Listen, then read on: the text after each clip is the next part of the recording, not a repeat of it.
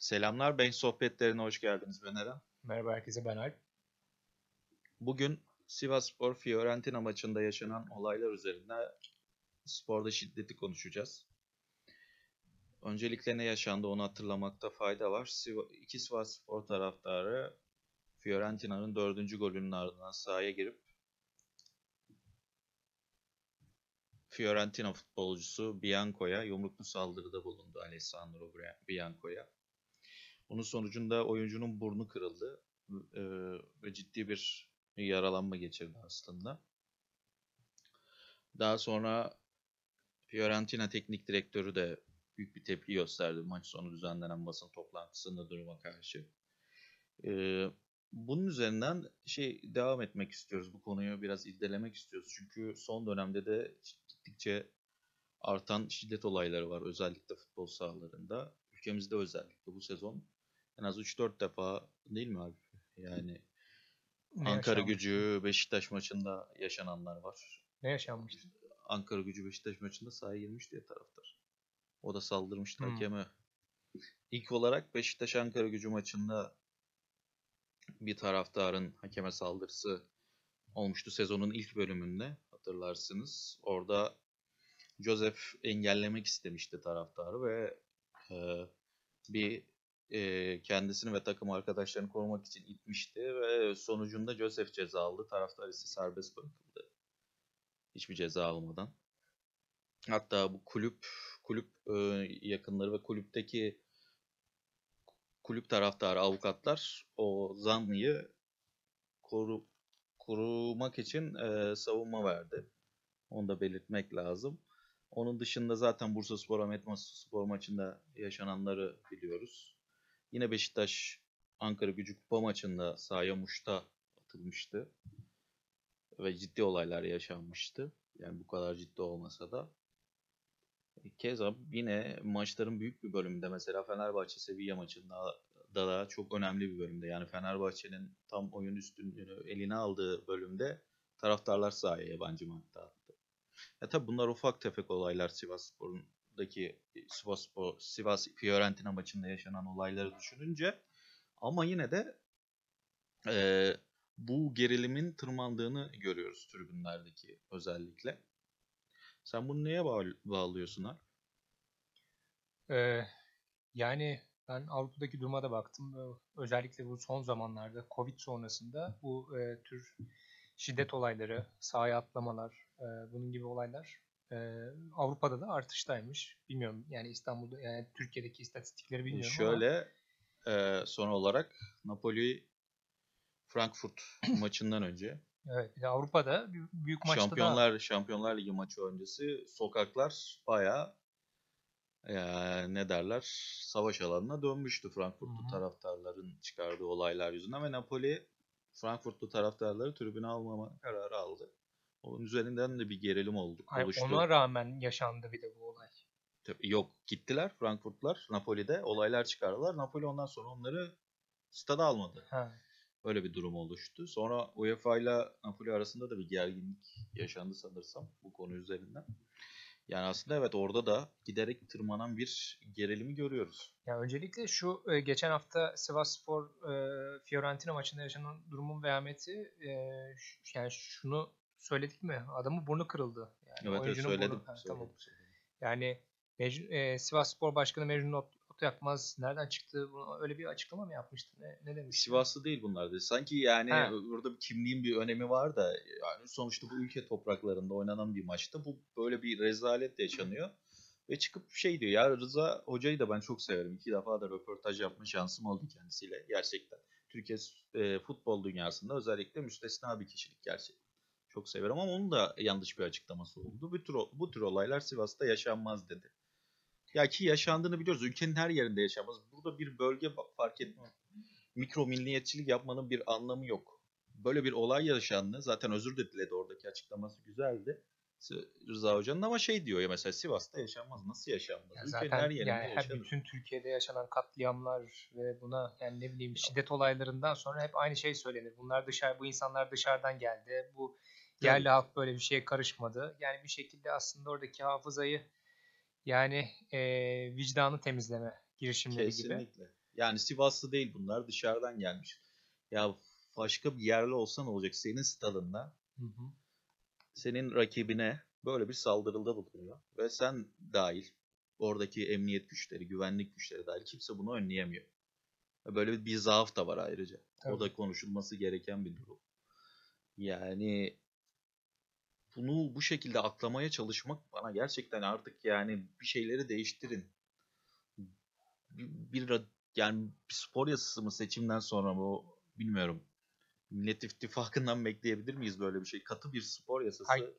gerekiyor. E, Yani o kişiyi şey yaptı maçlar ya gözaltına Tutukladılar, tutukladılar. tutukladılar Yani ikisini. Yani, yani iki ay sonra en fazla serbest kalacaklar. İşte takip diyorum. edeceğiz. Yani biz bunu takip etmemiz gerekiyor. Yani bu yani ciddi bir şiddet olayı. Ee, norm- Saldırı ya. Direkt adam yaralama aslında. kanun. İşte bu zaten İngiltere'de yani biraz böyle Avrupa'da bu holiganizm meselesini biraz öyle çözmüşler. Böyle şiddet olaylarında Neydi? Demir'leydi. e, Margaret Thatcher Thatcher'ın yani o e, yani Thatcher'ın dönemindeki Heysel faciasından sonra belki biraz daha böyle holiganizme e, az tolerans yani onları maçlara almama, e, o- ciddi yaptırımlar uygulama. Yani bunun gibi e, holiganizmi sahalardan uzak tutma politikası sergilemişler. Yani bir şekilde şimdi günümüzde mesela yani holiganizm faaliyetlerine yani böyle sporda şiddet faaliyetlerine katılm- e, katılmış insanlar günümüzde e, maç günü e, top taşımaya bile binemiyormuş İngiltere'de. Yani bunun yani bir şekilde o kişiyi e, maçtan uzak tutmaya çalışıyorlar. E, ama yani işte e, çok enteresan bir şekilde İngiltere'de ve Avrupa'nın geri kalanında da bu Covid'den sonra özellikle e, bu şiddet olaylarında giderek bir artış söz konusuymuş. Yani bu e, İngiliz basınında yani çok ciddi yazılmış çizilmiş ve e, polis e, raporlarında e, yani bu spordaki şiddet istatistiklerine de yansımış. Ya bu e, yeni şiddet dalgasını tam olarak e, yani açıklayabilmiş değil galiba benim yani bu konu, konunun uzmanları ama yani şunu gözlemlemişler. Bir kez giderek e, sağ e, tribünlerde artan bir uyuşturucu kullanımı e, yani daha doğrusu tribünlere giden insanların arasında e, artan bir uyuşturucu kullanımı söz konusuymuş. Yani özellikle e, yani ciddi yani kokain gibi e, ciddi yani maddeler e, ağır maddelerin kullanımı söz konusu. Yani köpekler mesela e, birisi kullanmamış olsa bile artık daha fazla e, taraftar arasında yani kokain kokusu alıyormuş. Yani daha fazla e, yani toplumun içinde bu uyuşturucunun yayıldığını mı gösteriyor ya da bu artık e, yani bir spor kültürünün spor bu yeni nesil taraftarın taraftarlığın bir parçası mı oldu onu göreceğiz ama yani bu yani gözü çarpan şeylerden bir tanesi buymuş herhalde. Şey dediğin gibi Heysel faciasından sonra zaten UEFA'nın tarafından İngiltere'ye verilen bir 10 yıllık ceza var.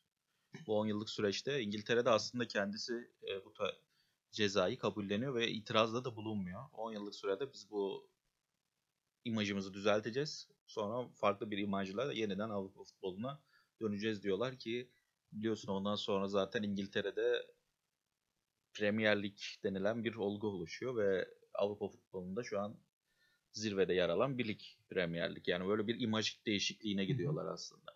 Şeyden sıyrılıp o holiganlıktan sıyrılıp bambaşka bir sektörün kapısını açıyorlar futbol Ama için. işte şimdi şey diyorlar acaba yani eski korkulu rüyamız geri mi dönüyor? Mesela Euro Hmm. 2020 20, e, yani iki- geçen Orada ciddi o. 2021'de yapılan e, Orada bir- turnuva e, yine bir şeyler yaşandı. O- Euro 2020'den daha çok Euro 2016'da yaşandı Paris'te düzenlenen turnuvada. Orada Ruslar da bayağı böyle bir tim getirmişler. Hatta turnuvaya özel holiganlar hazırlanmıştı. Hatırlıyorsun orada İngilizlerle çok kavga ettiler. Ve bilmiyorum ölü var mıydı? Çok yaralananlar oldu. Çok fazla böyle sokaklarda çatışma yaşandı. Rus taraftarlarla İngiliz taraftarlar arasında. E, şöyle bir durum var aslında bu taraftarlık üzerinden değerlendirilmesi gereken bir konu mu bilmiyorum. Çok sosyolojik bir konu aslında çalışılması gereken de bu konu yeterince bence akademik çalışmada yapılmıyor üzerine. Çünkü milyonlarca insan gerçekten bu e, delilik düzeyi, düzeyinde futbol taraftarı. Ya bu sence neden kaynaklanıyor ben sana o akademik kimliğine de dayanarak sormak istiyorum.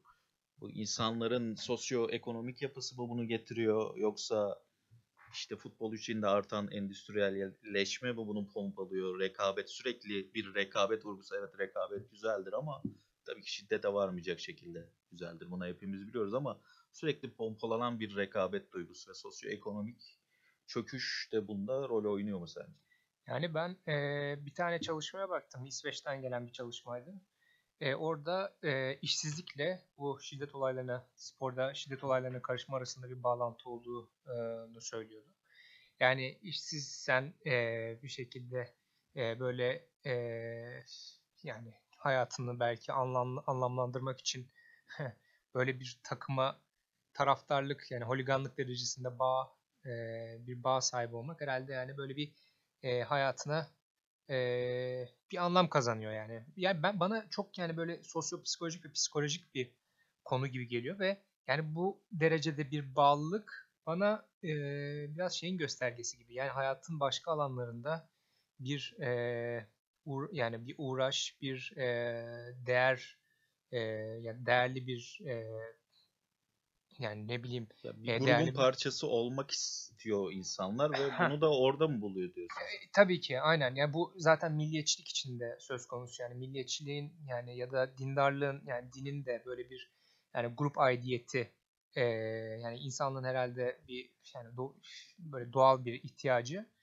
E, yani böyle bir şeyi sağlıyor sağlıyor ol, yani olduğunu belki söyleyebiliriz ama yani şu yani bir ailesi olan bir erkek yani bunun gibi böyle bir e, olay olaya karışması belki daha zordur. Bilmiyorum ya da e, işi olan, ciddi kariyeri olan, böyle kariyer hedefleri olan bir insanın e, tabii ki bu arada yani holiganizm daha çok erkekler tarafından yapılıyor bu da yani onu da belirtmekte fayda var. E, yani e, dediğim gibi yani başka hayatın hayatın başka yani hayatında başka uğraşları olmadığını gösteriyor bazı yani bu insanların. Biraz e, şunu söylemiş bu yeni dalga holiganizmle ilgili uzmanlar. Yani bu 18 ay boyunca e, kapanma yani Covid kapanmalarından çıkan gençler böyle bir e, yoğun böyle psikolojik e, yani baskılanmışlıkla e, şeylere e, stadyumlara akın ettiler ve stadyumlarında artık böyle e, yani, yani böyle bir patlama yani böyle psikolojik bir patlama böyle bir şekilde e, şiddet e, yoluyla kendilerini ifade etme yoluna girdiler. E, yani e, bir kesin yani bu çok keskin bir şekilde yaşanmış bu artışta bu Covid sonrasından e, e, sonrasında. Yani kesinlikle böyle bir psikolojik faktörü var. Ben ona inanıyorum. Yani e, 2010 yani şeyde e, söylemekte fayda var. Yani Covid sonrasında dünya ekonomisinde o kadar e, yani iyileşmedi yani, yani kötüleştiğini söyleyebiliriz. Yani biz Türkiye'de çok ciddi bir enflasyon yaşıyoruz ama yani bu e, enflasyon e, daha az oranda tabii. E, dünyanın başka ülkelerinde de söz konusu. Yani e, yani enflasyon biraz insan insanın gelecek ümidini e, tırpanlıyor. Yani böyle e, yani bir yani böyle bir psikolojik bir e, etkisi de oluyor. Belki böyle e, bir çaresizlik ve umutsuzluk e, hissiyatıyla insanlar yani e, holiganizme, holiganizme de başvurmuş olabilir. Bana öyle geliyor. Sen ne Şöyle, düşünüyorsun? Ben katılıyorum kesinlikle sana. Ben Bursa Spor Ahmet Spor maçından sonra Fatih Hoca ile Fatih Yaşlı ile de konuştum. O da senin gibi, seninle aynı fikirde şunları söylüyor yani Türkiye'deki diyor milliyetçiliğin özellikle sağ milliyetçiliğin çıkış unsurlarından biri tribünlerdi. Ee, ve bunu oradaki işte manevi gördükleri, kutsal gördükleri değerlere dayanarak yapıyorlardı. Diyor ki bu şeyde de gözüküyor aslında. 2015'te hatırlıyorsun Gar katliamında hayatını kaybedenler, e, hayatını kaybedenler için yapılan saygı duruşu Konya'da yuvalanmıştı. Ki Konya'daki kitlerin de sağcı muhafazakar bir kesim olduğunu biliyoruz. Bunun üzerinden e, holigan, holiganizm de aslında bir lümpenlik üzerinden pompalanan bir şey. Kullanılan bir şey siyaset için. Ve sürekli de aslında kullanılan bir unsur oldu bizim ül- ülkemiz üzerinde.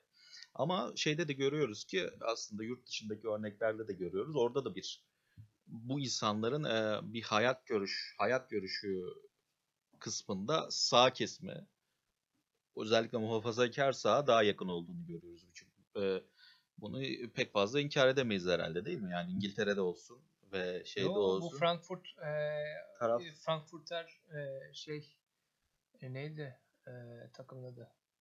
Eintracht Frankfurt. Eintracht, Eintracht Frankfurt e, daha böyle sola yakın bir takım Hmm. mesela. Yani. Ya şu tabii e, o bireyler üzerinden gidersek aslında şey de şey de diyebiliriz tabii. O fanatizmin sol üst olmuyor pek.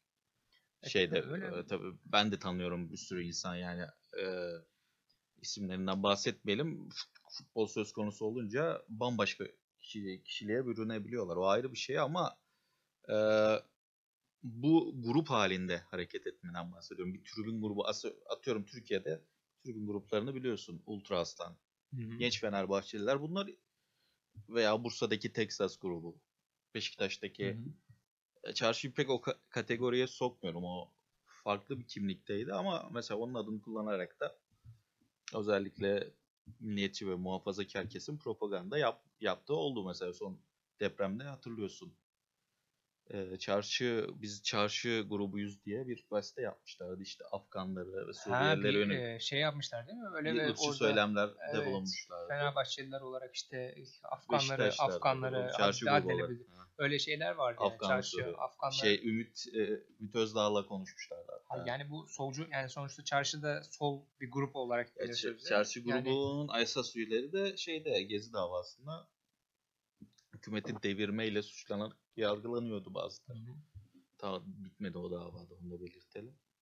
Beraat ettiler Bu sonra arada tekrar çarşı uzadı. davasının savcısı e, hakkında bir iddia var. E, bir e, MIT uzmanı ve emniyet emniyetçi olduğunu iddia eden iki kişiyle bir tane iş adamından yani FETÖ'yle bağlantılı olduğu iddia edilen bir, bir iş adamından e, para istemiş. Yani öyle bir çarşı davasının savcısıyla ilgili bir öyle bir iddia, iddia çıktı.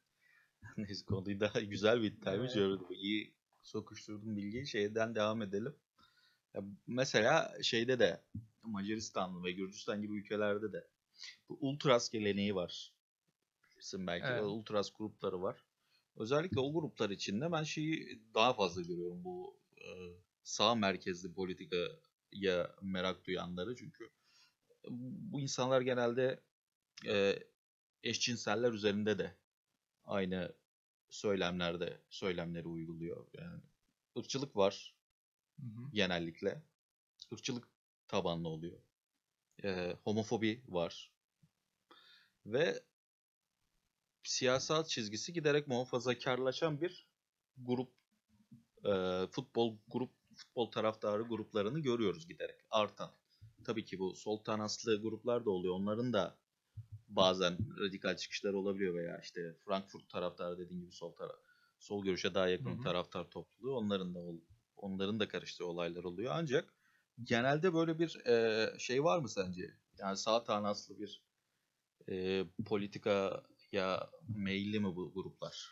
Ya ben eee şun ya ben ikisinin de bence yani sağ tandans ve eee, özellikle Doğu, o Doğu Avrupa'da mesela yani sağ tandans ve holiganizmin yoğun olmasının bence yani benzer bir eee sebebi olduğunu eee, ortak bir Türkiye sebebi olduğunu düşünüyorum. Türkiye ile aynı diyorsun. O da yani eee, soğuk savaş bittikten sonra oradaki komünist rejimler eee, yıkıldıktan sonra çok ciddi bir eee, yani ekonomik eee, yeniden yapılanma içinde eee, bu ülkeler eee, yani neoliberal eee, politikalar uyguladılar. Yani eee, biraz eee, serbest yani serbest piyasa yanlısı ve eskiden yani komünist idaredeyken idaredeyken insanlar daha kendilerini güvence altında hissederlerken Şimdi yani serbest piyasanın e, vahşi ellerine bırakılmış oldular. E, böyle bir güvencesizlik hissi var ve giderek yani bir e, geleceksizlik hissi de var mesela Doğu Avrupa'da. Doğu Avrupa özellikle Batı Avrupa'ya e, yani İngiltere mesela çok fazla Polonyalı gidiyor. E, Batı Avrupa'ya çok göç veren e, ülkeler. E, bununla birlikte e, sağ partiler de yani eski komünist rejimlerden sağ e, partiler, sağ e, hatta aşırı sağ e, hareketler de güçlendi. Yani ikisi de bence o e, yani ekonomik güvence insanların ya da e, hayatlarındaki o yön kaybısının getirmiş olduğu bir e, arayış ihtiyacına e, hedef e, arayış ihtiyacına e, cevap verdiğini düşünüyorum. E, yani dediğim gibi bu yani psikolojik bir yani sosyopsikolojik bir olay e, büyük ihtimalle. E, başka ne diyebiliriz? Yani sen sen yani ne, Şu ne- tabii sosyopsikolojik kısmından e, da da değindik yeterince. Şey, e, Eren şey mesela ben e, sana sormak istiyorum. Ya bu bizdeki holiganizm meselesi 90'larda daha yoğundu. 2000'lerde biraz tırpanlandı bu iş. Yani sen bunu neye bağlıyorsun mesela? Aslında 2000'lerde de vardı biraz. Şey ya bizde biliyorsun bir dönem hatta böyle e, yaşını almış spor severler anlatır ya klişe bir deyim vardır eskiden yan yana maçları izliyorduk diye. Gerçekten de bizde aslında 70'lere 70'lerin sonlarına kadar bir centilmenlik e, vurgusu var sporda. Hı hı. İşte çok fazla böyle bir e, tarafkirlik yani tabii ki var taraftarlık var ama ancak holiganizme varan bir durum değil. Centilmenlik var. Oradaki spor figürlerini de değerlendirdiğimizde işte 50'leri, 60'ları, Metin Oktaylar, Lefterler bunlar çok e, beyefendi kişilikler. Kulüp efsaneleri aynı zamanda. Hakkı Yeten, keza Beşiktaş'ın efsanesi. Bunların hepsinin bir ağırlığı, bir beyefendiliği, karşı tarafa karşı hoşgörülülüğü tribünlerinde yansıdığını görüyoruz. Ancak işte 80'lerin başında bir kimlik değişimi oluyor zaten. Dünya futbolunda da, dünya sporunda da, Türkiye'de de bu değişim yaşanıyor. Hem dediğin gibi Soğuk Savaş dönemi vesaire. Oradaki yaşanan değişim sonrası işte tribünlerdeki radikalleşme artıyor. Belki de bu birbirini tetikleyen unsurlar. Dedim ya işte beyefendi kişilikler var. 80'lerden itibaren o kişilikler Türkiye'de aslında bir bıçak gibi kesiliyor. Baktığımız zaman o zamanlar giren figürlere, spor, spor figürlerine, futbol figürlerine özellikle bir şey görüyoruz. Bu ayrış, ayrıştırıcılık, ayrıştırıcılık var. Hiç birleştirici bir kişilik çıkmıyor. Fatih Terim Hı hı. mesela. Fatih Terim'i örnek alalım. 80'lerden itibaren Türkiye sporuna giriyor. Futbolcu olarak başladı kariyerine. Fatih Terim hep her zaman e, ayrıştırıcı bir kişilik oldu. Şu, milli takımı da çok çalıştırdı. Defalarca gitti geldi ama hiçbir zaman e, şeyi temsil etmedi Türkiye'de. Hani Türkiye'de sporun yüzü herkes gönül rahatlığıyla sporun yüzü Fatih Terim olmalı diyemedi. Çünkü her zaman keskin bir tarafı vardı sporda. Tabii çok başarılıdır o ayrı sportif başarısını falan değerlendirmiyorum. Karakter yönünü değerlendiriyorum. Bence Fatih Terim Türkiye futbolunda bir milat oldu.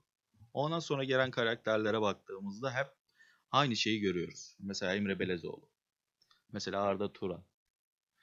Ee, Kabadayılık, Sayalım. adamlık yani Evet. günü o yani kültürün girmesi ya daha doğrusu bir kültürsüzlük aşılandı Türkiye futbolunda. Gerçekten Türkiye futbolu çok değerli insanlar yetiştirmiştir. Hı hı. 50'lerde, 60'larda, 70'lerde. Bakın bu arada Mustafa Denizli'yi ayrı tuttum. O da o dönemlerde çok parladı. O ayrı bir kişiliktir gerçekten. Beyefendi bir insandır. Çok da takdir edilesi bir spor adamıdır. Ama işte dediğim gibi Fatih Terim'in oluşturduğu milat, ben bunu Fatih Terim yaptı demiyorum.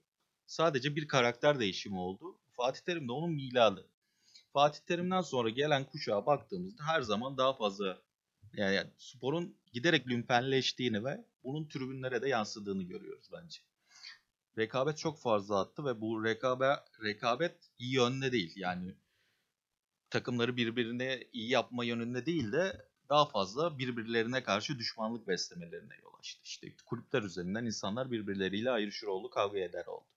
Tribünlerde çok daha fazla kavgacı eden insanlarla doldu ve bunun bence değişen spor kişilikleriyle de bir alakası var. Yani ikisi bir, birbirine bağlı gibi. Giderek radikalleşen tribünler ve giderek radikalleşen daha doğrusu e, e, kişisi, kişiliği olmayan ve lümpenleşen futbol figürleri, spor figürleri ülkemizde daha fazla söz sahibi oldu.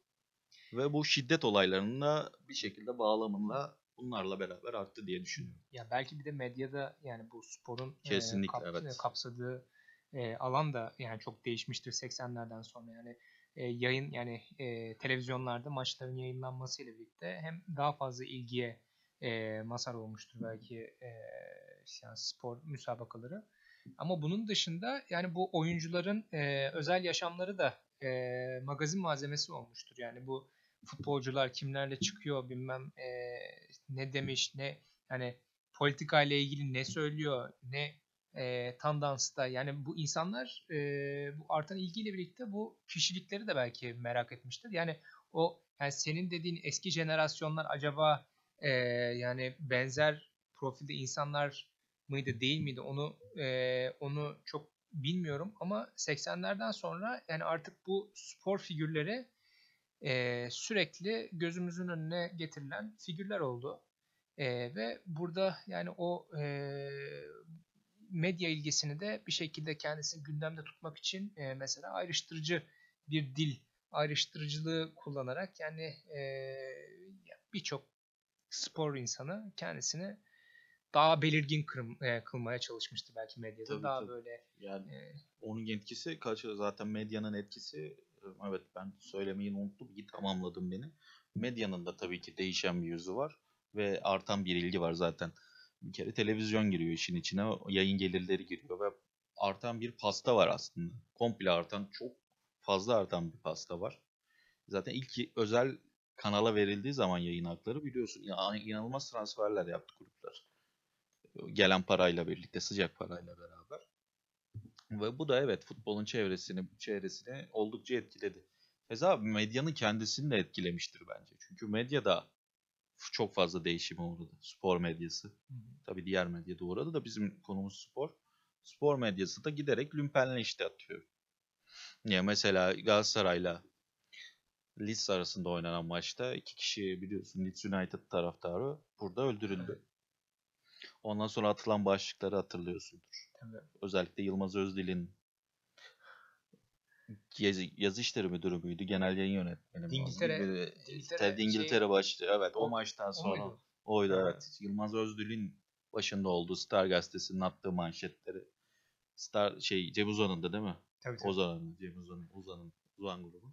Yani birbiriyle bağlantılı dediğim gibi bağlamdan aa, kopartamayız. Hepsi birbirini tetikledi ve bugün de artan e, bu şiddet olaylarının sorumlusu da belki hepsidir. Yani hepsinin birleşmesiyle gelen bir e, ne derler e, birikim patlama yapıyor tribünler üzerinden. Ya şu, e, madem değindik medyaya şunu da belirtmekte fayda var. Şimdi bir spor muhabiri, spor gazetecisi biliyorsunuz her kulübe aslında kurumların atadığı bir muhabir oluyor. Bir kulübün Beşiktaş'ın, Galatasaray'ın, Fenerbahçe'nin. Bunlar uzunca bir süredir arkadaşlar gazetecilik yapmıyor bence. Bunlar tetikçilik yapıyor. Birçoğu tetikçilik yapıyor. Bunu açık ve net bir şekilde söylüyorum. Çünkü çok yakından takip ediyorum bu isimleri. Gazetecilik yapan çok çok az insan var. Yani olduğu gibi haber veren çok az insan var. Doğru düzgün işini yapan. Ve bu taraftarları da etkiliyor arkadaşlar. Yani atıyorum bir Galatasaray muhabiri çıkıp işte Galatasaray'ın hakem hatası vesaire değil. Karşı tarafı kışkırtacak şekilde bir tweet, bir haber yapıyorsa o herkese etkiliyor. Çünkü bunlar aslında çok hassas konular. Ve insanların damarına bastığın anda da bu tetikleniyor, tetikleniyor. Bu öfke büyüyor ve giderek de içinden çıkılamaz bir durum haline geliyor gerçekten. Yani öyle bir öfke var ki, öfke patlaması var ki tribünlerde. Yani insanlar artık gözü e, kaşın üstünde gözüm var diye gözün üstünde kaşım var. gözün üstünde kaşım var diye birbirine saldıracak duruma geldi. Ve bunu medya çok fazla tetikliyor özellikle son dönemde. Yani sen ne dersin Ali? Ay, Yani e, bilmiyorum ben Twitter'da özellikle senin dediğin profildeki spor insanlarının çok böyle dalga konusu olduğunu görüyorum yani. E, bilmiyorum böyle belki spor, e, yani Şey sosyal var medya tabii. sosyal medya e, gibi böyle bir e, mecrada artık yani e, ne bileyim böyle bir- orada biraz daha işi şakaya vurma işi ne dönüyor. E, Tabii bazıları şaka hı hı. ama bazıları da ciddiye alıyor. O- O, çok ciddi atıyorum. Senin dediğin özellikle ismi anladım ben. Onun atıyorum 200 bin takipçisi varsa tamam. Bunun 30 bini 40 bini dalga geçiyorsa 50 bini de ciddiye alıyor bu adamı. Yani ya mesela bir yorumcu var ismini vermeyeyim. Çıktı Fenerbahçe Hmm, hangi maçtı o? Son maç hangi maçtı ya? E, Şey bir depremden önceki maç. Ha Fenerbahçe Adana Demirspor maçı. Fenerbahçe Adana Demirspor maçından sonra maçın karşılaşmanın hakemlerine operasyon çocukları dedi. Ve arttırdı, devam ettirdi bu söylemlerini. İşte o insanları karşı aslında bir nefret suçu işledi söyledikleriyle. E, Yani şey atıyorum herhangi bir iktidara karşı veya ülkedeki mevcut politik iklimde birine karşı bunları söyleseniz anında gözaltına alınıp hatta tutuklanma riskiyle de karşı karşıya olursunuz. Ancak o arkadaş hakkında bir şey yapıldığını görmedim ben şu an. Yorumlarında da devam ediyor. Öyle. Güzelce de yapıyor. Ülkenin en iyi, en popüler televizyonlarına çıkıyor. YouTube programları yapıyor. Yani bu e, bu insanlar bu ayrıştırmaya büyük bir katkıda bulunuyor. Hı hı. Aslında Ama gazeteciliğin profilini değiştirerek. Bu e, yani 90'larda 2000'lerde ama mesela üç büyüklerin içinde olduğu e, yani daha Süper Lig yani birinci lig takımları e, bu belki şiddet olaylarına karışırken belki günümüzde o, bu biraz da azaldı yani bilmiyorum. E, ben e, aklıma hemen Jimbo Malt Boys videosu geliyor oradaki e, profiller geliyor. Yani onlara fazla rastlayamaz olduk yani şeyde. Yani üç büyük e, yani üç büyükler gibi e, Ya taraftar tamam ama profillerinde. taraftar profilde o biraz değişiyor. değişti. Yani orada belki şiddet olayları azaldı ama bence şeyde yani Anadolu takımlarında e, ya da daha alt liglerde daha ciddi e, şiddet olayları mı görüyoruz bilmiyorum. Tabii alt liglerde çok oluyor zaten. Özellikle amatör liglerde Ki falan hakem. İngiltere'de de öyleymiş yani. İngiltere'de Hmm. yani böyle Premier Lig değil daha böyle alt ligler. Çünkü Premier Lig'de zaten çok üst düzey ya olsa da hemen bitiriyorlar yani. Biletler pahalı herhalde. Hmm. Yani oraya gelen insanlar yani e, hem yani bir şekilde o biletin e, yanmasını Yok, istemiyorlar. burada da pahalı bilet. E, tabii ki bu- buradaki yani bu profi, yani Galatasaray, Fenerbahçe, Beşiktaş e, seyircisinin profillerinin değişmesinin sebebi de o yani. E, o Jimbo Old Boys'un e, kaybolmasının Ya bence çok o. şöyle yani evet belki ekonomik düzey değişmiş. Yani eskiden herkes gidiyordu gerçekten maçlara. Ya değişmiştir ekonomik sınıfı da şeyler yani tribünlerdeki o gerginlik pek değişmedi ya. Yani aynı gerginlik atıyorum sahaya her maç neredeyse yabancı madde atılıyor bir şey olunca istemekte. Şu Fener ya Avrupa maçında attılar işte Fenerbahçe Sevilla maçında. Ama yani 90'larda 2000'lerde ben böyle hep Galatasaray Fener derbilerinde sokakta çarpışmalı e, maçlar hatırlıyorum. Yok onları artık şey e, biraz daha fazla polis biliyorsun maçları veriliyor. O, o olayları bitirdiler belki de önünü kestiler ama saha içinde yaşanan gerginliklerin önüne geçemiyorlar bir türlü. Mesela yani yabancı madde atımı her yani neredeyse hemen hemen büyüklerin maçlarında çok kez, çok defa gördüm ben bu sezon. E, diyelim. O zaman onun dışında ekleyecek bir şeyin var mı? Yani işte bu ben artan trend e, olayıyla ilgili yani bu e, Avrupa'daki ve belki Türkiye'deki Türkiye'deki istatistiklere de bakarız. E, bu yani trendle ilgili yapılmış çalışmalar varsa bunları bir şekilde burada konuşuruz. Bir E, sonraki diyorum. bölümde Ve bir konuşalım. şekilde evet yani bu e, olay e, yani bu e, şiddet olayları acaba tırmanış gösterecek mi? Yani bu hakikaten bir trend mi? E, ki istatistikler onu gösteriyor. Yani bunun sebeplerini bir şekilde teşhis etmeye çalışalım. Evet, e, şeylere de danışabiliriz bölüm öncesi tabii. Sosyologlara, psikologlara daha iyi bir hazırlık yapıp bir dahaki bölümde konuşuruz konuyu Evet, daha tamam. detaylı bir şekilde diyelim ve kapatalım. Bir dahaki bölümde görüşmek üzere. Hoşçakalın. Hoşçakalın.